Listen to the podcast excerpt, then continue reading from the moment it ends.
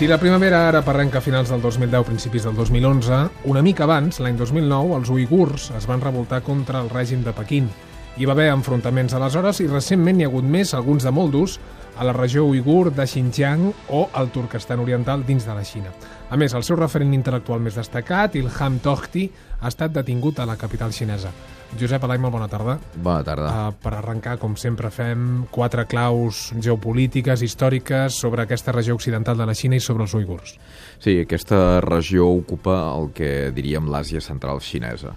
Uh, els uigurs la coneixen com Turkestan perquè per ells és el país dels, dels turcs, ells es consideren turcs, parlen una llengua turca, serien, diguéssim, el, el, el, els turcs més, més situats a la zona més oriental del que és el continent asiàtic.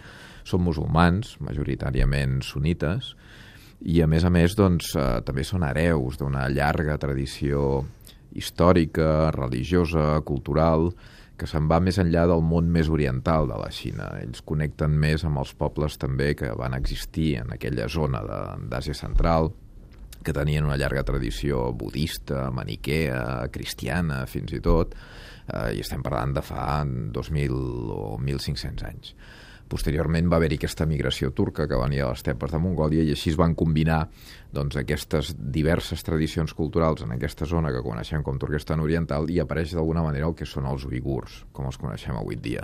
Per tant, molt allunyats del que és la cultura tradicional xinesa i això és, doncs, és evident eh, al llarg de la història i és evident encara en aquest segle. De fet, ells, durant la primera meitat del segle XX, van arribar a constituir dues entitats independents, una fins i tot una república que va ser reconeguda per la Unió Soviètica de Stalin, que va rebre el seu recolzament, fins que l'any 1949, amb el triomf de la Revolució Maoista, són incorporats com una regió autònoma més dins de la Xina. I des d'aleshores comença doncs, aquesta llarga lluita dels uigurs, eh, que també té un reflex en termes de població, com en el cas del Tibet.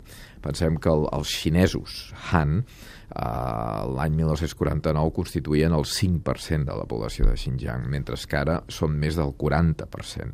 Això vol dir que els uigurs han vist com, diguéssim, es produïa aquesta colonització, literalment, des de Xina. I tot això, amb tot un seguit de recursos naturals importants, com el petroli que, que té el, el Xinjiang, uh, ha fet i va, va provocar doncs, aquesta revolta d'Urumqi, una revolta violenta en què va haver gairebé 200 persones mortes l'any 2009, i que mm, a causa de l'enorme repressió que es va produir a continuació per part de l'estat xinès eh, es va produir també una certa relaxació mm, en termes d'enfrontaments, però que ara hem vist a partir del 2013 ha començat a augmentar de nou. Només donaré una xifra. Des de, en els últims quatre mesos, des del mes de novembre, s'han produït 62 morts en enfrontaments armats entre el que ens explica la Xina, que són grups eh, guerrillers uigurs, i la policia xinesa. Mm.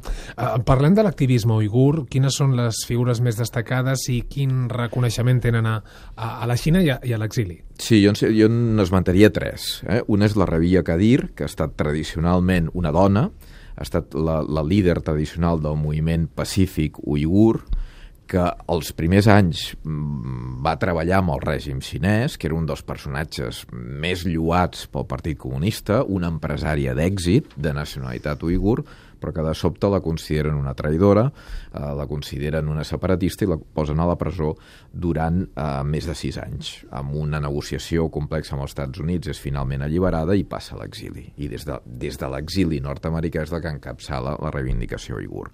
Després tenim Geiret Niyaz, que el volia esmentar perquè és un dels presos de consciència més rellevants que hi ha a la Xina, que porta a la presó des de l'any 2010 a causa d'alguns articles que va escriure en un web en uigur, i que va ser condemnat a 15 anys, aquest periodista, a 15 anys de presó. I finalment tenim el cas d'Ilham Tohti, que és el que ha estat detingut fa un mes a la ciutat de Pequín. Mm -hmm. I per què és tan important? Tinc entès que és professor universitari, eh, d'alguna manera referent intel·lectual, no? Sí, Ilham Tohti mai, mai, mai, mai ha utilitzat ni ha defensat mètodes violents. És un home, en certa manera, diem entre cometes, de la societat civil, si és que existeix, de la societat civil xinesa, perquè ell resideix a Pequín, és professor de la Universitat de les Nacionalitats de Pequín, és un economista eh, molt reconegut, i que, a més a més, escrivia articles, i escrivia articles precisament criticant gent com el secretari general del Partit Comunista Xinès a la regió autònoma de Xinjiang, Jiang Chunxian, que és l'encarregat doncs, de dur a terme aquesta re-repressió al Xinjiang després de la, després de la revolta del 2009. Però la seva crítica sempre havia estat considerada constructiva, és a dir, evitar aquests enfrontaments violents i procurar que la regió autònoma de Xinjiang fos realment autònoma, respectés la llengua, la cultura, les tradicions dels uigurs.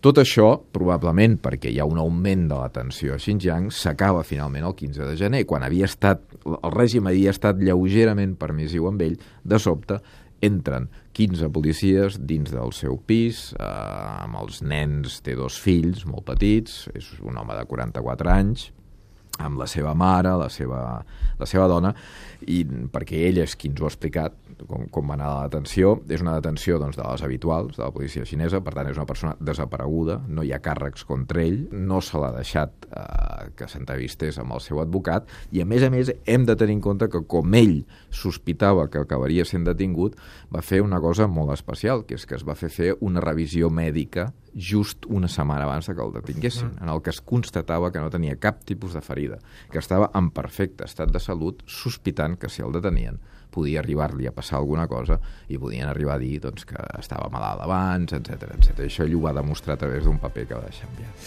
Doncs aquesta és la història de la detenció d'Ilham Tohti, aquest eh, activista o aquest referent intel·lectual del moviment uigur, Uh, Josep Alai, moltes gràcies un dia més per venir al Mapa Mundi. Tornem a parlar una propera ocasió d'aquí tres setmanes. Bona tarda. Gràcies a vosaltres i bona tarda.